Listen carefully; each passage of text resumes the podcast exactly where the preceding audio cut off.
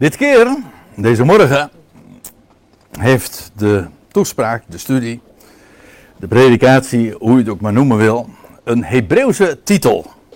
En toch, ik vermoed dat de meesten van jullie wel enigszins dit, uh, deze naam, deze titel kunnen thuisbrengen. Yom Kippur. En ik vermoed dat uh, deze naam vooral ook zijn bekendheid heeft gekregen sinds nou, precies uh, dit jaar trouwens, 50 jaar geleden, 1973, toen je in de maand oktober de, de Yom Kippur-oorlog had. Waarbij uh, de Arabische wereld, Syrië en Egypte, uh, ja, eigenlijk vol, volstrekt voor Israël in ieder geval onverwacht op de meest heilige dag van het jaar de Joodse staat aanviel.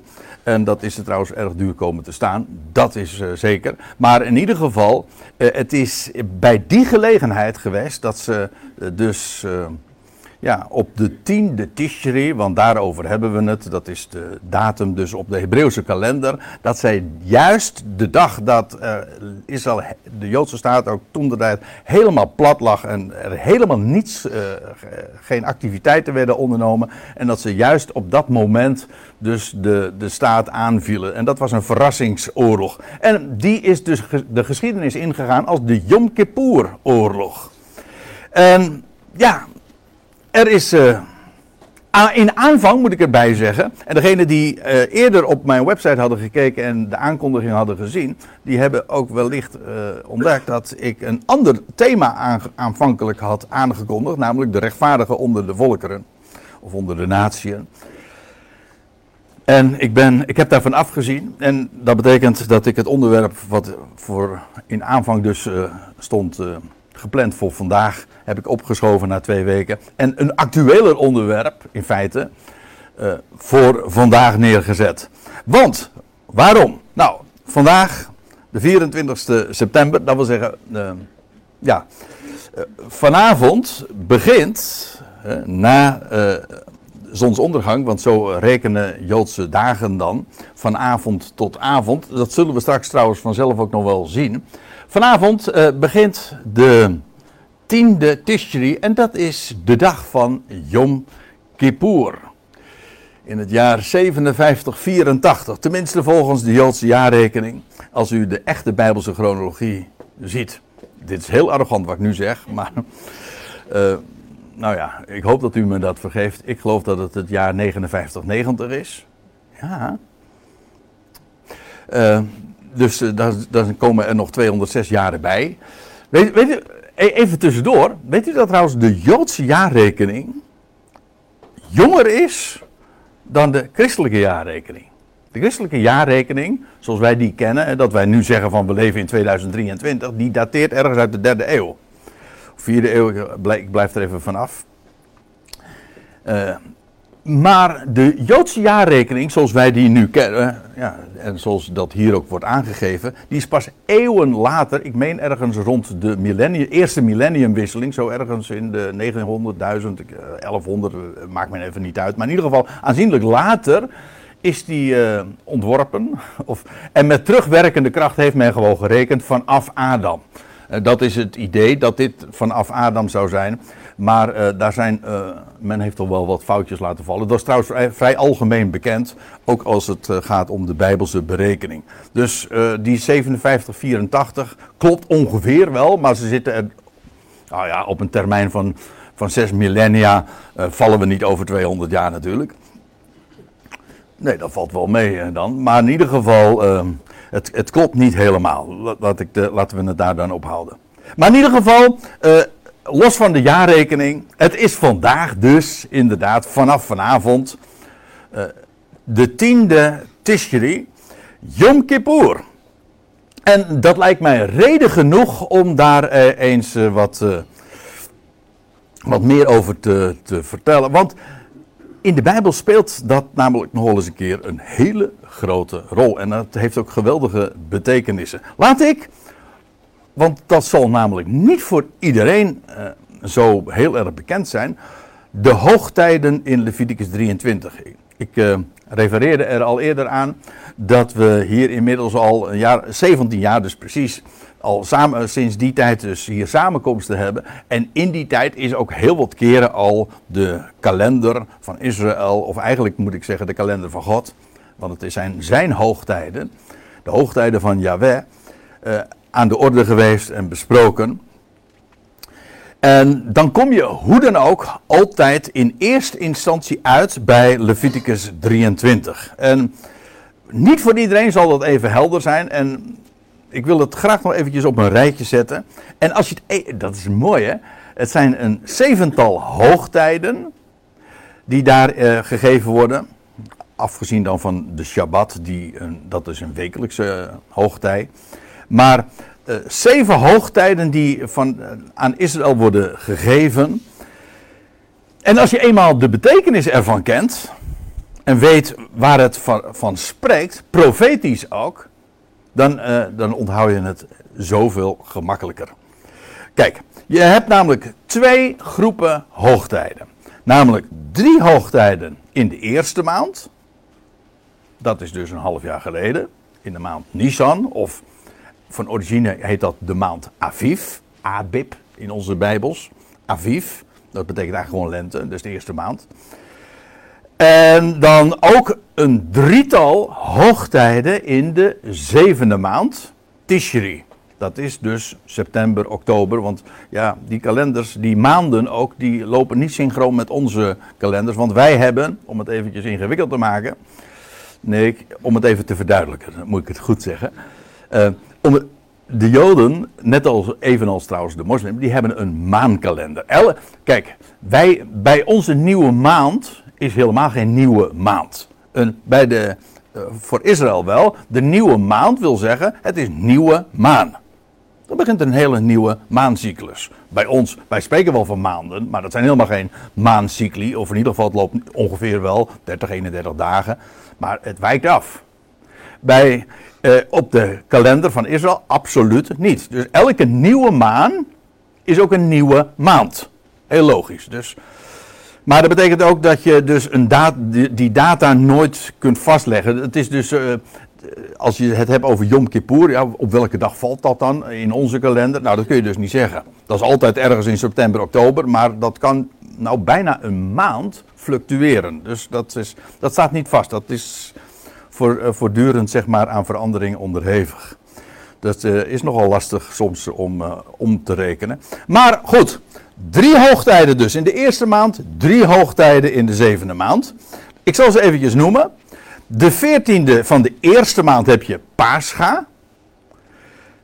Op vier dagen eerder werd een, wordt een lam in huis genomen van origine lees je dat ook, dat dat zo uh, geregeld was. Dan werd er een lam in huis genomen en vier dagen later werd dat lam dan geslacht. Nou, op die veertiende van de, van de eerste maand, van de maand Aviv, werd dus dat lam geslacht. En dat is ook precies de dag geweest dat de Heer Jezus gekruisigd werd. Kan niet missen, de dag dat het lam geslacht werd. En daarna volgde dan het feest van Pesach. En dat was een dag later dus. Dat was dan weer een Shabbat. Maar in ieder geval, de 14e paas, uh, van de eerste maand was Pascha. Dan vanaf de 15e begon het feest van het ongezuurde. Dus dat was de eerste dag dat de Heer Jezus in het graf lag. Dat is de 15e. En dan de daags na de Sabbat. Dat heeft dan weer geen datum, maar dat wordt dan een weekdag gegeven. Ik zeg het even kortweg, en er zitten haken en ogen aan, daar heb ik het nu even niet over. Maar daags na de Sabbat, dan lees je, uh, werd de, de eerstlingsschoof van de gerstenoogst aangeboden. En die dag komt weer overeen met de dag dat onze Heer Jezus Christus opstond uit de doden. Zodat de dood en de opstanding van Jezus Christus en de tijd dat hij in het graf heeft gelegen exact al was voorbestemd en was aangegeven, eeuwen van tevoren, wat zeg ik, anderhalf millennium voor dat, dat alles daadwerkelijk zijn vervulling kreeg, is dat al door God gefixeerd. En die data en die dagen zou dat plaatsvinden. Dus ja, dat is dus in de eerste maand. En dan heb je ook nog een drietal hoogtijden, zoals gezegd, in de zevende maand. En op de eerste, dat was tien dagen geleden dus, heb je de dag van het bazuingeschal. Dat is dan eigenlijk meer de Bijbelse benaming. Tegenwoordig heet dat in het Jodendom gewoon Rosh Hashanah. Dat wil zeggen het Joodse nieuwjaar. Heb ik nog iets heel eigenaardigs.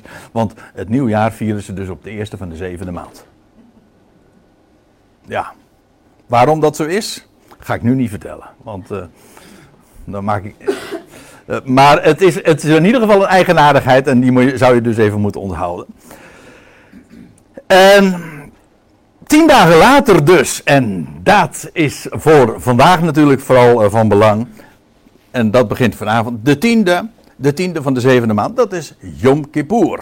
En dan nog een vijftal dagen later, vanaf de vijftiende, en dat, werd, uh, dat duurde een week lang. Trouwens, dat geldt voor het feest van de ongezuurde ook. Dat was vanaf de vijftiende. Een week lang heb je, worden er matzes gegeten, ongezuurde broden. En zo heb je van over vijf dagen begint het Loofhuttenfeest. Of uh, oorspronkelijk heet dat dan uh, op zijn Hebreeuws Sukkot. En dan een week lang viert men dat, uh, dat Loofhuttenfeest. Dus dat is over vijf dagen. Met andere woorden, een groep van hoogtijden in de eerste maand, een groep van hoogtijden in de zevende maand. En dan voel je natuurlijk al, uh, dat moet een betekenis hebben. Ik ben trouwens eentje nog vergeten. Want als het zeven hoogtijden ja, dan zit er hier nog een hoogtijd tussen, namelijk, en dat is Pinksteren. Ja, maar dat is dan ook heel logisch, want ik zal het even laten zien. Kijk, je hebt dus drie hoogtijden in de eerste maand. En dat spreekt, zoals ik eigenlijk net al aangaf, al die hoogtijden hebben hun vervulling reeds gevonden in de eerste komst van de Messias. Toen hij stierf, in het graf lag en vrees uit het graf. Perfect, exact. Niet alleen maar, dat correspondeert niet alleen met de dingen die er gebeurden, dat een lam geslacht werd en of dat de eersteling schoof werd aangeboden, werd bewogen voor God. Maar ook de data, precies, getimed. Zo zou het moeten, zo zou Israël het vieren en zo zou God het ook daadwerkelijk vervullen. Logisch. Dus het, eh, sta je niet blind op de rituelen en op de data. Weet, het spreekt van hem die zou komen. Heel de wet, heel de Torah, alles van hem die zou komen. En dat geldt trouwens ook weer voor de hoogtijden in de zevende maand, want die spreken van de wederkomst van Christus. En plan dus een, zijn vervulling zal vinden. Hè, de zevende maand, vandaar ook zeven hoogtijden. Alles, eh, die, die, die zeven, dat is echt het getal van God natuurlijk, waarin hij alles tot volheid brengt. Trouwens, in het Hebreeuws is het getal zeven, Sheva, betekent ook volheid. Dus ja.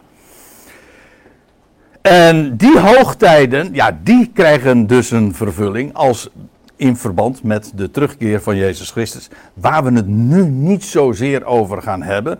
Maar het is wel in ieder geval zo, dan zal de bazuin klinken. Dan zal voor Israël ook eh, het grote moment van de verzoening plaatsvinden. Ik kom daar straks op terug. Of beter, de, de dag van de beschuttingen.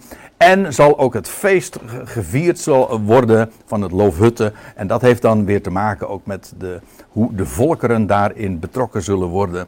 En heel de wereld het feest zal meevieren van, uh, ja, van de Messias. Dat, heeft, dat gaat allemaal in het Messiaanse Rijk ook daadwerkelijk zo vervuld worden. Die hoogtijden dus in de eerste maand hebben te maken met de eerste komst. De hoogtijden in de zevende maand met de vervulling, namelijk in de terugkeer van de Messias. En dan heb je dus, zoals gezegd, nog één tij, hoogtij in de derde maand. En dat is het wekenfeest, oftewel het Shavuot. En dat noemen wij dan Pinksteren. Maar logischerwijs, dat had je kunnen bedenken, moet Pinksteren dus iets te maken hebben met dat wat God doet tussen de eerste en de tweede komst van Christus. Snap je? Dat als, je, als ik zojuist zei van, als je, als je die, die hoogtijden dan in Leviticus 23 zo beschreven vindt, dan zeg je van, oh, dat is allemaal heel veel. Ja, maar als je eenmaal weet waar het van spreekt, dan is het uh, zoveel gemakkelijker uh, te onthouden. Waarom? Omdat er systeem in zit. Het is geordend. Het is, en alles is vol betekenis en dan, ja, dan ligt het uh, zo voor de hand dat dat het is zoals het is. Het is trouwens een, eh, een prachtig mooi beeld. En dat is deze menorah. Die stond ook in het heiligdom en die liet zijn licht dagelijks schijnen. De hoge priester, of de priester die kwam dan dagelijks in, de, in, de, in het heiligdom. In het, dat wil zeggen in het ja, eh, eerste, eerste afdeling zeg maar, van de tent. En dan verzorgde hij ook de, de kandelaar en zorgde dat de menorah, die zes, ja, is het een zevenarmige kandelaar? Die blijft altijd lastig hè. In feite zijn het zes armen en het heeft één stam. Ja, maar dan begrijp je dus, uh, dan, je, kunt het zo invullen. Je krijgt dan paascha, het ongezuurde, en dan de eersteling. En dan vervolgens aan de andere kant de bazuin, Yom Kippur en Loofhutten. En dan in het midden Pinksteren.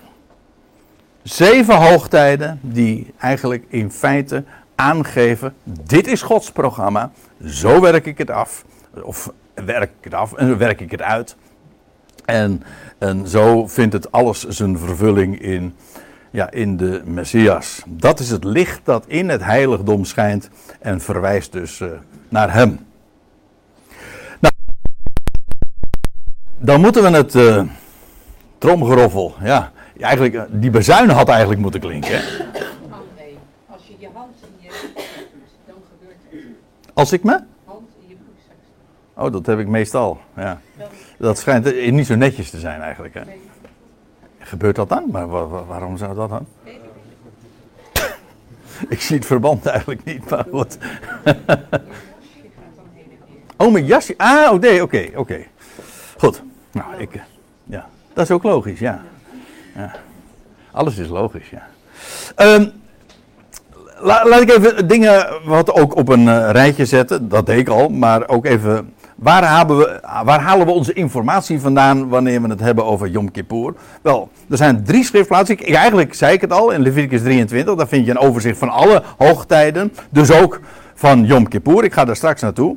En dan is er één hoofdstuk dat in zijn totaliteit, best wel een lang hoofdstuk, 1 tot en met 4, vers 34. Dat gaat over Yom Kippur en dat wat er allemaal op die dag moest plaatsvinden. En met name hoe de hoge priester dan in het heiligdom ging. Ook dat eh, komt straks nog aan de orde. En, eh, last but not least, eh, de, het commentaar van de Hebreeënbrief. Want in feite is de hele Hebreeënbrief, dit is enigszins overdreven wat ik nu zeg, maar aan de andere kant, als je het heel ruim rekent, is, is, toch, is toch weer goed. Klopt het wel? Eh, is de hele Hebreeënbrief gaat ook over Yom Kippur. En met name dan het negende hoofdstuk spreekt daarover en over de betekenissen daarvan. Dus dat wat ik daarover zeg, dat, dat, eh, dat, eh, dat hoef ik of dat hoeven we niet uit de duim te zijn. Integendeel, het, het commentaar vinden we sowieso al in de schrift zelf. De Hebreeënbrief gaat diep in op al die details. Eh, ook daar komen we straks nog even over te spreken. Eerst eventjes Yom Kippur op de Hebreeuwse kalender. Ik zei al, Leviticus 23 geeft daar, eh, vertelt daarover. En laten we het eens even lezen. En ik lees uit de Statenvertaling. En eh, dat wat cursief staat, dat is aangepast. Verbeterd, gecorrigeerd, wat letterlijker of zo. Of wat moderne Nederlands. Doch op de. En dan staat. Dan vangt de. De schrijver, of eh, dan vangt eh, eigenlijk God zelf aan met, met zijn instructies. Want dit heeft hij tegen Mozes en tegen, via Mozes aan de Israëlieten zo gegeven. Doch staat er dan op de tiende van deze zevende maand. Zal de dag van de beschuttingen zijn. Nou, die moet ik even toelichten. Want hier staat gewoon in het Hebreeuws, nee, in onze MBG-vertaling en waarschijnlijk ook in de Statenvertaling iets soortgelijks, de verzondag. Maar ja, dat brengt ons eigenlijk op een, een, een probleem en dat heeft te maken met het woordje verzoenen. Er staat hier namelijk in het Hebreeuws Yom HaKippurim. Yom HaKippurim. Eh, Kippurim is trouwens het meervoud. Meestal, wij, wij spreken over Yom, eh, Yom Kippur, maar oorspronkelijk en eh, een betere formulering is Yom eh, Kippurim of HaKippurim. En de- want het is namelijk meervoud. En Kippur betekent niet verzoenen, in de zin van zoals eh, wij spreken over verzoenen. Kijk, wij, het, de eerste betekenis van ons woord verzoenen, en ook in de Bijbel, is dat er sprake is van vijandschap of vervreemding. En twee partijen die conflict hebben en die verzoenen zich met elkaar. Of ze worden verzoend. Maar in ieder geval, dat is verzoenen. Dit woord, wat van Kippur, laten we daar maar even op houden, is een heel ander woord. Hij heeft niets te maken met vijandschap of, eh, of met het, het sluiten van vrede. Dus ik vind het buitengewoon verwarrend om dat dan ook verzoenen te noemen. Dat kun je doen, maar dan, daarom, deze toelichting is echt noodzakelijk. Ik heb er geen, dus prima om te zeggen van, de, uh, het betekent de verzoendag. Dat doe, dat doe ik bij gelegenheid ook. Maar met deze aantekening, het heeft eigenlijk dus niks te maken met verzoenen. In de zin van vrede maken. Nee, het heeft te maken met beschutten. Of bedekken. Dat is eigenlijk de fundamentele betekenis van, van uh, kippur of kiper, of uh, nou ja, het werkwoord. Uh, ik vind hem altijd heel erg mooi te illustreren, want de eerste keer dat het werkwoord uh, van dit werkwoord wordt, uh, voorkomt in de schrift, dat is in Genesis 6, vers 14. En dan gaat het over de instructies die God geeft in verband met de ark uh, aan Noach. En dan lees je dat hij de ark met pek zou bestrijken of bedekken of bepekken. Nou ja, in ieder geval. En het idee is dus beschutten. Waarom? Want die, ja, die, was van, die ark werd gemaakt van goverhout. Maar om hem waterdicht te maken, om hem te beschutten, moest hij bedekt worden met pek. En dan wordt dat, dat werkwoord gebruikt van. Ik, ik zeg het maar even voor het gemak van Kippur. En. Dat is veelzeggend. Het is dus in feite het bedekken, maar daarmee ook beschutten, beschermen van in dit geval dan de ark. En dat is ook het idee. Zie je hoe gemakkelijk je met de term verzoenen dan op een, uh, op een, ja, op een verkeerd been gezet wordt. Want je haalt er een betekenis bij die het in de Bijbel dus helemaal niet heeft. En, en dat niet alleen. Je, je, je combineert het of je legt de link met verzoenen terwijl het dat niet heeft. En je mist de betekenis die van bedekken en beschutten. Dus ja, dat, dat is en verwarrend. En daardoor mis je ook heel veel. En ja, het hele idee in de Bijbel is altijd dat het bloed dat beschut. In al onze vertalingen, ik zeg het nou nogmaals, eh, staat er dan van het bloed verzond. Maar eigenlijk is de gedachte dus het bloed bedekt. Het beschut, het beschermt. En ja, het bloed verwijst natuurlijk altijd naar het slachtoffer. En als je eenmaal dat ook weet, dan begrijp je ook waarom. Ja, want het bloed, dat spreekt van het slachtoffer. Ja, en het slachtoffer spreekt van hem die stierf. En opstond uit de doden. Moet ik er altijd bij zeggen. Want nogmaals, ook dat is erg onbekend. Uh, een slachtoffer is maar niet. Een, offer betekent maar niet dat het verwijst naar het feit dat een dier geslacht wordt. Nee, dat is nog niet het offer. Het offer is dat na het dier dat geslacht is, dat stijgt op vervolgens, goden tot een liefelijke reuk. Als het alleen maar geslacht is, dat is nog geen offer. En dat geldt voor, voor uh, de hele, hele offerdienst in de Bijbel ook. Het spreekt van hem die stierf, geslacht werd, zijn bloed gaf, jawel. Maar in feite, het bloed kreeg pas de betekenis na de slachting. En dan ging het het heiligdom in. Daarover straks meer. En dat niet alleen, maar uh, het, werd op, uh, het werd op het altaar gesmeerd. En dat, dat, dat offer ging dan in rook op en het steeg op. En uiteraard spreekt dat van hem die stierf. En oprees of verrees op of steeg uit het graf en zelfs tot in de hemel. Go, en dat is voor God de liefelijke reuk. Niet het sterven, maar zijn opstanding. Zie, zie je dat, dat slachtoffer en daarmee ook het bloed, want het bloed staat eigenlijk voor het slachtoffer, een, een veel rijkere, grootste, heerlijkere betekenis heeft. En het verwijst dus naar hem die stierf en opstond. Dat is het evangelie. En daar bepaalt het ons dus bij. Nou, op de tiende van deze zevende maand zal de dag van de beschuttingen zijn. Meervoud, want er werden allerlei dingen trouwens bedekt, beschut en besmeerd met bloed. Eigenlijk heel eigenaardig, want het is een hele bloederige bedoeling hoor. Maar de Bijbel, eh, dat zegt de Hebreeënbrief ook. Ja, het is, dat is een schaduw. Het is een schaduw van wat komen zou. In feite is het heel donker en, en uh, het, ook het, het, ja, als je die hele offerdienst dan ook leest, uh, er, er, is zoveel dood. Ja, maar het spreekt de contouren, dat is net als bij een schaduw. Je ziet niet wat, wat erin zit, maar je ziet wel de contouren van het licht. Het leven zit erin. Het leven zit erin, ja. Ja, zeker. En ja, dat is. Uh, dus terwijl zo'n hoge priester dan in het heiligdom ging en dan de dingen besmeerde met bloed. Ja, daar, maar de geweldige sprake die ervan uitgaat, is dat het spreekt van inderdaad van hem die, die stierf en opstond en zelfs ten hemel voer, et cetera. Oké, de dag van de beschuttingen. Een heilige samenroeping zult gij hebben. En dan zult gij uw zielen verootmoedigen. En zult Yahweh een vuuroffer offeren. Een offer, dat wil zeggen dat ontstoken dan wordt.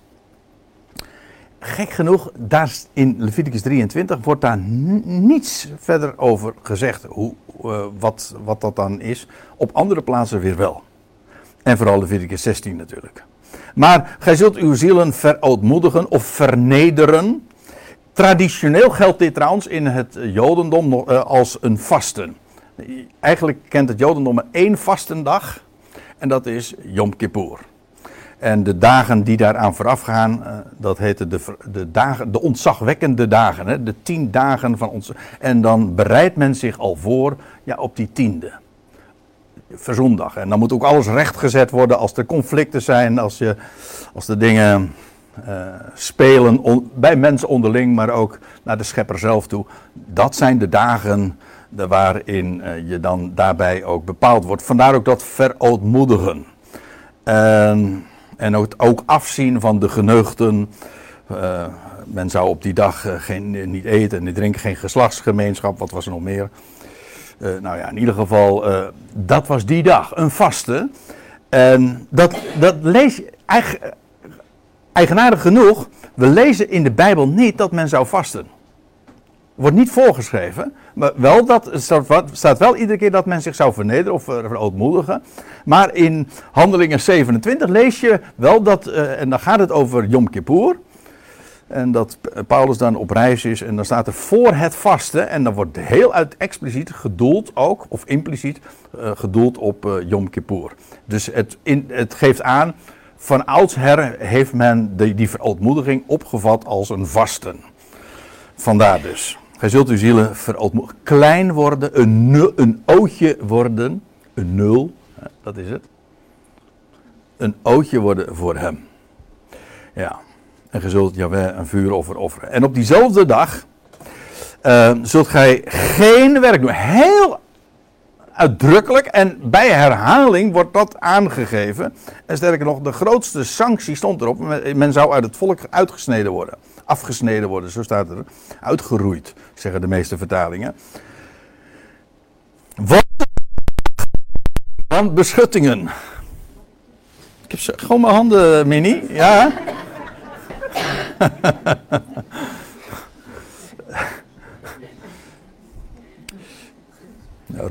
Rob wil even controleren of, uh, of, jullie allemaal nog wakker zijn. Het is een dag van beschuttingen. Om voor jullie een beschutting te maken voor het aangezicht van Yahweh, uw God. U ziet, ik heb het hier cursief gedaan. Dit wijkt dus even af van de vertaling, maar dat heb ik al toegelicht. Het gaat er nu even om. Geen werk. En dat, geen enkel menselijk werk wordt op die dag getolereerd. En alleen, als ik het zo zeg, heb ik eigenlijk al verteld uh, wat de essentie is van Yom Kippur. Of in ieder geval één van de essenties. Geen menselijke toevoegingen, geen menselijke arbeid, geen verdiensten ook, want dat is eigenlijk wat werken is. Hè? Je doet iets voor het geld, er valt niks te verdienen. Helemaal niets te verdienen. God doet het. En, wie, en het is dat, dat, dat bloed, wat die beschutting die God dan maakt, of laat maken, daar, ja, daar is het oog op gevestigd en dat moet het doen. En al het andere is volstrekt onacceptabel. Geen arbeid. Het, is, het geldt dus met recht ook als een Shabbat. Het staat er ook, hè, ik sla nu een paar versen over. En dan staat er ook bij: Het zal u een Shabbat van rust zijn.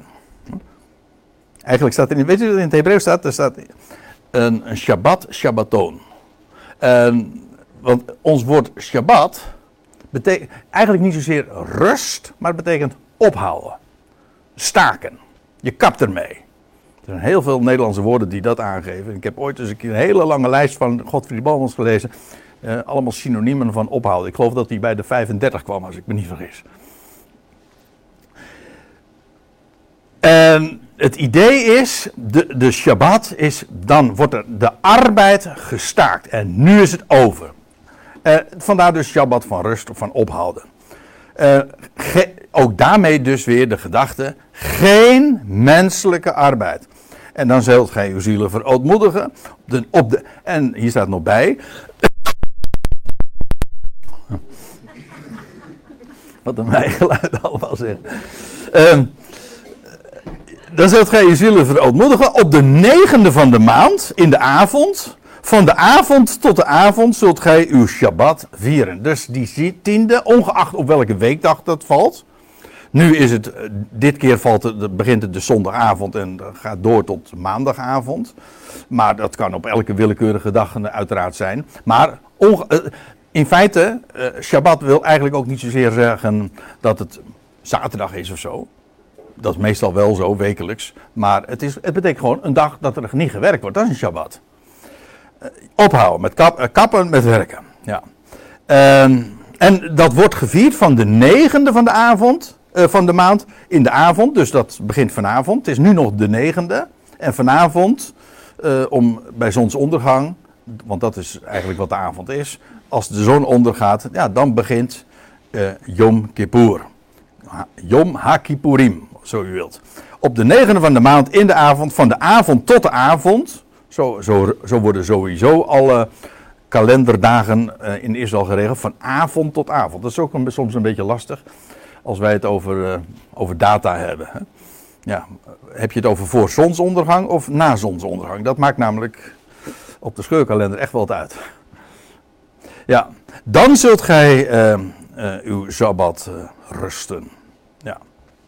Dus hiermee in Leviticus 23 wordt heel duidelijk aangegeven wanneer dat zou zijn en vooral ook de grote doelstelling. En dan gaan we naar Leviticus 16. Ja, omdat we slechts één samenkomst rond dit thema hebben, moet ik het noodzakelijk dus uh, wat, wat kort en, en bondig vertellen. Maar Leviticus 16, ik zei het al, in zijn totaliteit gaat over Yom Kippur. En laat ik het dan even zo uh, neerzetten. En dat vind ik trouwens ook erg mooi. Uh, de structuur van dit hoofdstuk. Als je een companion Bijbel hebt, dan, uh, dan wordt dat bij elk hoofdstuk altijd zo geleverd. En dat is geweldig. Want het geeft zicht op de wijze waarop op het, dat, het hele relaas is opgebouwd. Kijk, als je 34 versen achter elkaar leest. Nou oké, dan kun je het zo volgen. Maar dan ontgaat het je dat daar ook werkelijk een, een, een opbouw, een gestructureerde uh, verhaal verteld wordt. En dat blijkt dus in dit geval ook, alles keert zich, uh, dat is heet dat, alles keert zich naar binnen. En dat betekent in dit geval ook de, de, het eerste en het laatste correspondeert met elkaar. Soms als tegenstelling of als parallel. Of beide, dat kan ook. Want in dit geval, het begint met dit, uh, dat, dit hoofdstuk, kijk het maar na. Want dit is echt zo, dit zijn van die plaatjes die je even moet nagaan en zelf met je Bijbel uh, uh, erbij moet nemen en zeggen van, ah, wacht even, daar gaat het dus over. Maar dit is een, een mooi opstapje. Het begint dus met uh, de aanwijzing van de tijden om binnen het voorhangsel te gaan. En dan heel, in feite wordt het negatief geformuleerd. Dat wil zeggen, de hoge priester mocht daar niet, uh, mocht daar niet zomaar komen. Sowieso mocht daar geen, geen mens komen. Uh, en alleen de hoge priester, niet eens gewone priester, maar alleen de hoge priester mocht in achter het voorhangsel komen. En dat dan nog, nog maar één keer per jaar in dat voorste gedeelte van het heiligdom kwam de priester, alleen de priesters, kwam daar eh, dagelijks. Maar in het heilige der heiligen, achter het, tweede voorhangsel dus, kwam hij eh, nooit. Uitgezonderd dan die eerste. En, en dan eh, eindigt het daar ook weer mee, maar dan wordt het positief belicht. En dan wordt benadrukt dat het in het begin met alleen de hoge priester, gaat het over de hoge priester. En in het, in, het een na laatste gaat het over de hoge priester en over eh, de betekenis van al die dingen en het volk. Eh, de, de, de, het verwisselen van de klederen is ook een belangrijk gegeven, wordt ook benadrukt.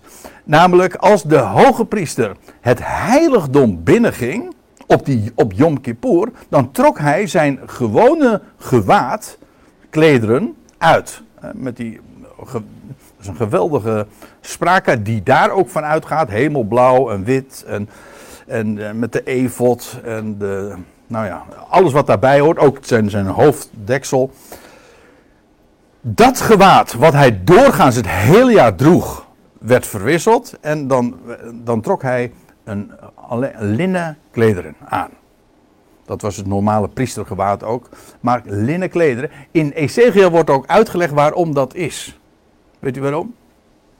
Weet u waar, er wordt, in Ezekiel wordt het heel expliciet ook gezegd. Ja, precies. Ik hoor het, ik hoor het volgens mij goed fluisteren. Ja, precies. In, er wordt ook uitgelegd waarom eh, in linnen gekleed. Wel, eh, in linnen, dat weet je niet.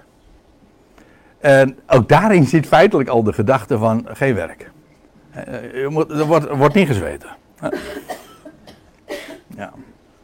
Nou, in ieder geval, bij die gelegenheid eh, trok hij dus eh, zijn gewone gewaad uit en dan eh, een, een linnenkleed ging hij dan het binnenste heiligdom in. En oh, dan is er nog iets heel belangwekkends. Dan moet je ook weten over Yom Kippur, want er werd het lot geworpen. In feite, dit is echt zo apart, hè? Want nu al 2000 jaar viert Israël, dus eigenlijk vanaf het jaar 70, ja, ze vieren Yom Kippur. Of ze, nou, ik moet eigenlijk zeggen, vieren is niet eens het juiste woord. Ze gedenken Yom Kippur. Maar ze kunnen niks doen met Yom Kippur. Want voor Yom Kippur heb je en een hoge priester nodig, en een, in ieder geval een heiligdom, en dan heb je de offerdienst nodig. Dat is waar het allemaal om gaat. Maar dat hebben ze helemaal niet. Dus wat kunnen ze?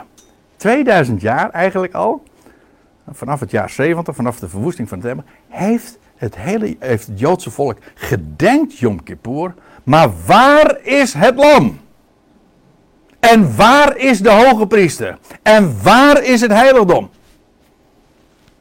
Ja, en dan eh, behelpt men zich nu, kent u dat eh, gebruik eh, van de Joden, dat ze, dat ze een kip slachten, ja. Dat ja, daar wordt de, de, de, hoe noem je dat, de dierenbrigade en eh, Partij voor de Dieren enzovoort, die hebben er groot bezwaar tegen. Maar daar hebben we het nu even niet over. Eh, maar in ieder geval, daar, slachten ze maar een kip. Ja, gaat de kop eraf, als een kip zonder kop dus, hè. Ja. Nou, trouwens, ja, ik doe er nou een beetje lach- lacherig over. Maar in feite geeft het loutere feit dat de Joodse traditie dat op deze manier dan, zeg maar, toch een beetje nog inhoud geeft, is gewoon uit de duim gezogen. Met alle goede bedoelingen, daar heb ik het niet over. Maar het staat nergens zo geschreven. Het geeft duidelijk aan, men ervaart de lacune, het gat. eh, Het, alles wat noodzakelijk is om deze belangrijkste dag te gedenken, missen we. En dus eh, vult men het op met een heleboel dingen die eigenlijk gewoon verzonnen zijn. Onder andere dus dat men nu een, sla- kip slacht. En let maar eens op. eh, morgen zie je in de foto, in, in allerlei kranten, foto's over hoe de Joden hun, hun grote dag vieren, Yom Kippur. En dan zie je meestal plaatjes met een, met een kip eh, eh, die ze dan geslacht hebben en zo. Wat ze daar dan weer mee doen. Maar goed, dat is de traditie. Wat van origine de gedachte was, de, hoog, de hoge priester, er werden twee bokken gereserveerd, want dat is toch wel de essentie. Er speelden meer, maar twee bokken. En twee bokken voor het volk. En daar werd dan het lot over geworpen. Dat wil zeggen, de keuze was aan God. Dat is eigenlijk het hele idee bij een loting. Mens kiest niet, God kiest. Wij hebben daar geen invloed op. En, eh, en het lot eh, en het ene lot, eh, voor het ene bok viel dan, was dan bestemd, dat werd besloten dan in die loting. De ene bok was dan bestemd om gedood te worden, geslacht te worden. En bloed kwam dan, eh, werd gebracht in het heiligdom. En de andere bok, die zou dan na afloop in vrijheid worden eh, gezonden, ja, eh, heen gezonden. Dat, en die bok heeft de naam de zondebok te zijn, ja. Die wordt, ja, daar zit, ik kom daar misschien straks nog even op terug, maar ik zie dat het, de tijd gaat veel sneller dan anders. Zal, zal ook wel Yom Kippur zijn. Maar eh, de, ja, twee bokken dus. En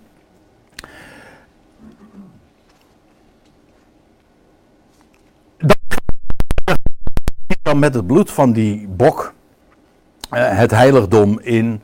En dat sprenkelde hij dan inderdaad in het binnenst heiligdom. Dan op het, eh, op het verzoen. Ja, he- heb je het? Dat verzoendeksel. Maar eigenlijk is dat ook weer dat beschutdeksel. Die beschutting. Die deksel op, het, op, het, op die ark. Op die ark van het verbond. En daar werd dan bloed gesprenkeld. En trouwens ook eh, de hele aanloop. Dat wil zeggen ge- de weg. eh, werd. werd een soort van rode loper gelegd. Als u begrijpt wat ik bedoel. Eh, het bloed werd gesprenkeld zo op weg naar het heiligdom. En op weg naar die ark. Echt, dat heeft geweldige betekenissen, maar we houden het eventjes overzichtelijk. Eh, dat gold trouwens niet alleen voor de twee bokken die bestemd waren voor de beschutting van het volk. Maar er was ook nog een, voor het priesterlijk huis een offer. En dat, was, dat waren geen bokken, maar dat was een stier. Veel groter dus. Voor de priester en zijn huis. Dat, en die worden onderscheiden van het volk. Je hebt dus aan de ene kant het volk, zoals is de gedachte. En je hebt de hoge priester en de intimi, die bij hem horen, zijn huis. En als u het mij vraagt, is dat een type van de Ecclesia. En voor hen is trouwens het grootste deel weggelegd. En daar wil ik het bij laten. In ieder geval dus eh, en twee bokken voor het volk en de, die stier voor de, de priester en zijn huis. En dan helemaal in het midden, dan gaat het weer over de twee bokken van voor het volk. En u ziet, eh, dat correspondeert ook weer met, eh, met die voorgaande en navolgende elementen. Zodat je ziet, centraal in dit hoofdstuk zijn de twee bokken voor het volk. De structuur laat het al zien. Niet alleen maar als je het relaas leest, begrijp je dat. Maar ook structureel. Alles wijst daarna. Dat is de essentie. Ja, en dan eh, komen we natuurlijk eh, uit. Dat is even zoals dat in het Oude Testament beschreven wordt. En ik heb al wat hints uiteraard gegeven waar het naar verwijst. Maar laten we dan ook nog even naar de Hebreeënbrief toe gaan. En wat in de Hebreeënbrief eh, gedaan wordt door de schrijver, en ik denk dat dat Paulus is geweest, maar hij laat zien hoe aan de ene kant wat er gezegd wordt over Yom Kippur in de Hebreeuwse Bijbel, ons Oude Testament, maar zijn lezers worden geacht dat te weten. Logisch, want het waren Hebreeën.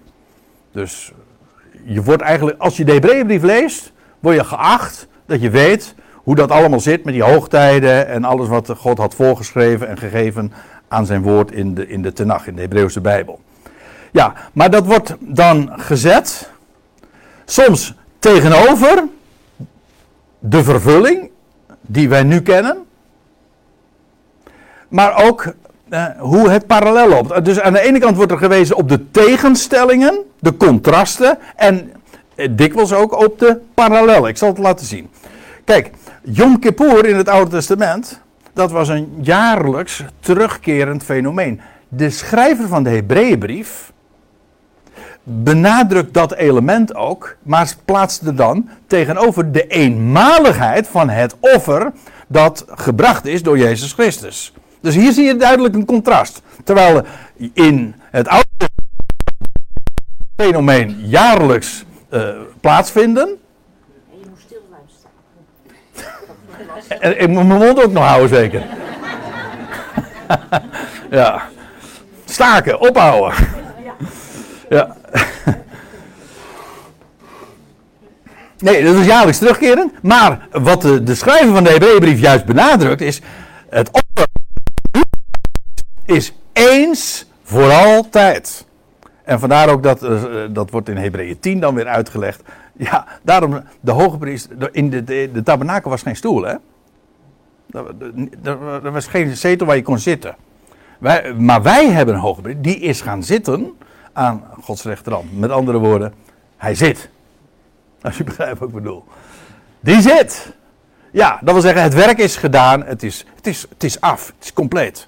Eens voor altijd. Dat wordt heel erg benadrukt. Dat is dus de, de, het contrast. Uh, nog een contrast uh, in het Oude Testament. Ja, wat voorgeschreven was, het was bloed van stieren en bokken. Maar de schrijver zegt dan, ja, het is onmogelijk nu natuurlijk dat het bloed van stieren en bokken de zonde zou werkelijk zou kunnen bedekken. Dat is ook niet zo. En het verwijst naar hem, naar degene die zichzelf tot slachtoffer gaf. Het spreekt van het bloed van Christus. Het slachtoffer van hem die stierf en opstond uit de doden. En dat is eh, dus in het Oude Testament hebben we te maken met de schaduw. In feite ook zwart, het is donker. Maar de contouren zien we al wel. Namelijk het verwijst naar hem die leeft. En eh, in feite dus wat het idee is, wat je in het Oude Testament had je een hoge priester en je had een, eh, een dier dat geslacht werd. En in, wat in de vervulling is zowel de offer, het offer, het slachtoffer Christus, als ook de hoge priester is Christus. Dus hij is de vervulling van en dat dier dat geslacht werd. Trouwens ook van die zondebok. En hij omheen ging. Ja, en dan heb je uh, nog een element dat, in het, uh, dat sterk benadrukt wordt. In uh, het Oude Testament was de hoge priester, als hij dan zijn werk deed, of als hij dan het heiligdom inging, in, in dat linnen gekleed, was hij verborgen in het heiligdom. Maar ik moet erbij zeggen, ook dat is een contrast wat nogal sterk benadrukt wordt in Hebreeën 9 met name. Namelijk, het was een heiligdom met handen gemaakt. Dat gold voor de tabernakel, dat gold uiteraard voor de tempel ook. Het is gewoon een, dat, het was een heiligdom met handen gemaakt. Maar het spreekt van het ware heiligdom, namelijk de hemel zelf. En wat uh, is het idee? Het idee is, zoals de hoge priester ooit op Yom Kippur het heiligdom inging en dan verborgen was achter het voorhang, werd niet gezien. Zo is de hoge priester vandaag in het heiligdom verborgen dat is dus, dat is bij essentie, dus, uh, of uh, ook met opzet juist het verhaal. Hij is verborgen. Dus achter het voorhangsel, het volk wacht op hem, ziet hem niet. Nee, nou, dat is nu juist waar het allemaal van spreekt. Dat is zo mooi, zoals dat in de Hebreeënbrief ook staat, uh, wordt, wordt uitgelegd. Ja, de hoge, terwijl het volk dan in spanning wacht. Hè, als op de hoge priester die weer uh, uit het heiligdom zou komen, wat trouwens niet vanzelfsprekend was, ook dat wordt in het Oude Testament al uitgelegd. Maar oké, dan kwam die hoge priester weer uit het heiligdom. Uh, men wachtte op het moment dat hij zou verschijnen. Van achter het voorhangsel zou, zich zou openbaren en, en het volk zou zegenen. Maar hij is nu dus in het heiligdom. Dat is de positie van de hoge priester vandaag.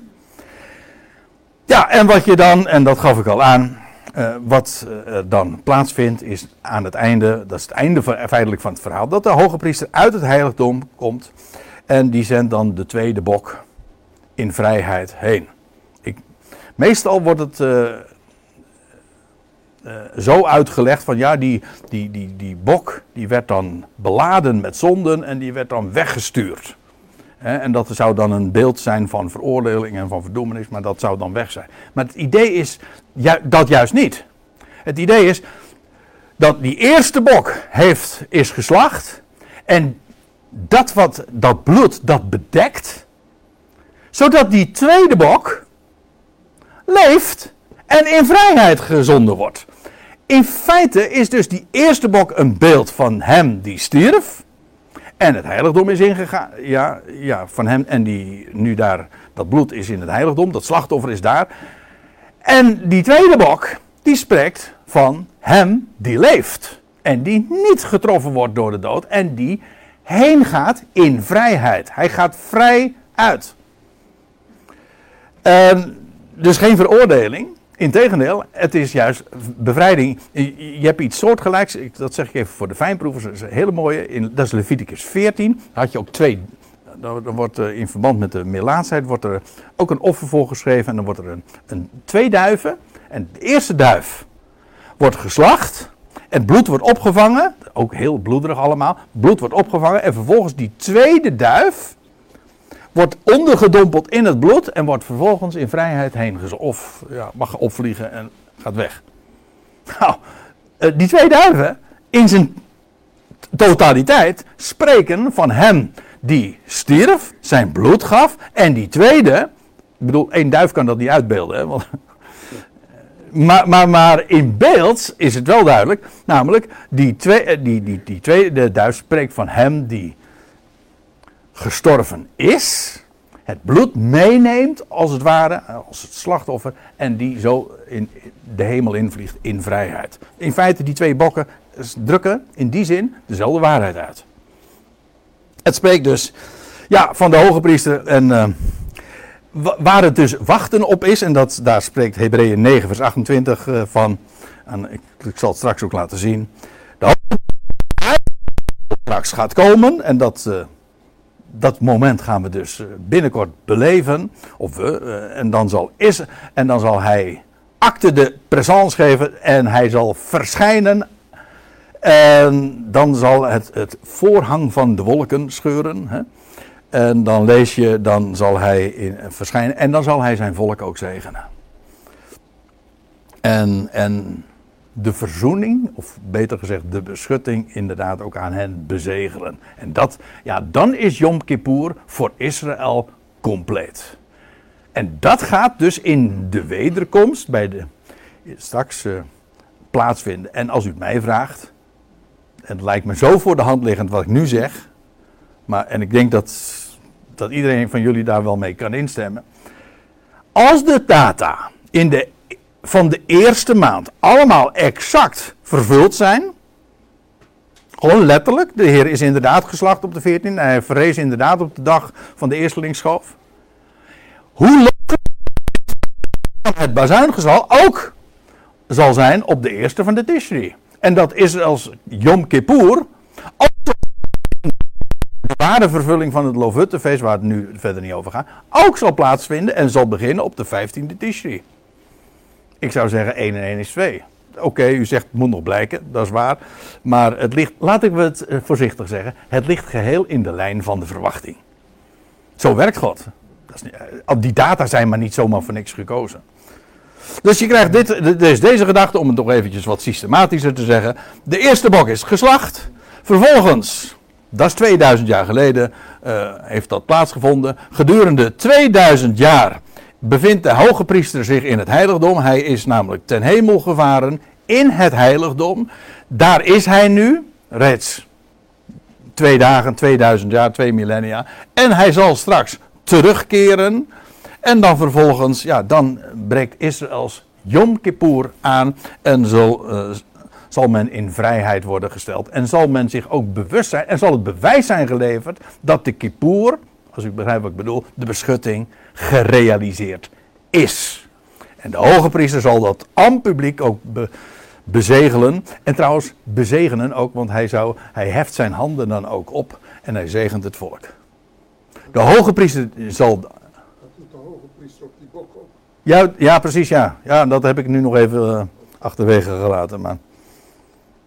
Dus, uh, ja, dat is in het kort het verhaal van Yom Kippur. En dan wil ik eindigen met, uh, deze, met deze laatste schriftplaats. En ik heb er eigenlijk al aan gerefereerd zojuist. Uit de MBG-vertaling. Zo, zo zal ook Christus. Het is een vergelijking die gemaakt is. Zo nadat hij zich eenmaal geofferd heeft om vele zonden op zich te nemen. Eenmaal. Dus ook hier weer eenmalig. Waarom één keer? Nou, het is voldoende, het is compleet, dit is de vervulling. Zal hij ten tweede male, los van zonde, in de MBG-vertaling zonder zonde betekent niet dat hij eerst wel zon, gezondigd had of zo. Nee, maar dan zal hij niets meer van doen hebben met het probleem van de zonde. Want dat is namelijk over en uit, beschut, bedekt. Het is over. Dus ten tweede male, bij zijn tweede komst, om zo te zeggen, zal hij uit. Wat doet hij dan? Wel, dan is de zonde voorbij. En dat zal hij dan ook proclameren door die tweede bok. Die tweede bok die in vrijheid erheen gezonden wordt. En dan zal aanschouwd worden door hen die hem tot redding verwachten. En dat geldt ook voor Israël straks. Ik geloof dat Yom Kippur ook echt zijn vervulling krijgt, juist voor Israël. Logisch, want zo was het ook allemaal eh, voorzegd. En straks komt de hoge priester uit het heiligdom. En dan zullen ze tot hun eh, grote verrassing zien wie die hoge priester is. Namelijk de koning-priester naar de ordening van Melchizedek. Niet alleen priester, want hij, nu is hij priester in het heiligdom. Maar straks zal hij komen en dan zal hij verschijnen als de Melchizedek. Als de, de grote melch, de koning der koningen. En dan zal hij zijn heerschappij ook gaan uitoefenen. Dus hij is nu priester. En straks zal hij verschijnen en ook daadwerkelijk zijn koningschap op zich nemen. Juist ook voor het volk en in verband met dat volk ook. Voor de hele wereld.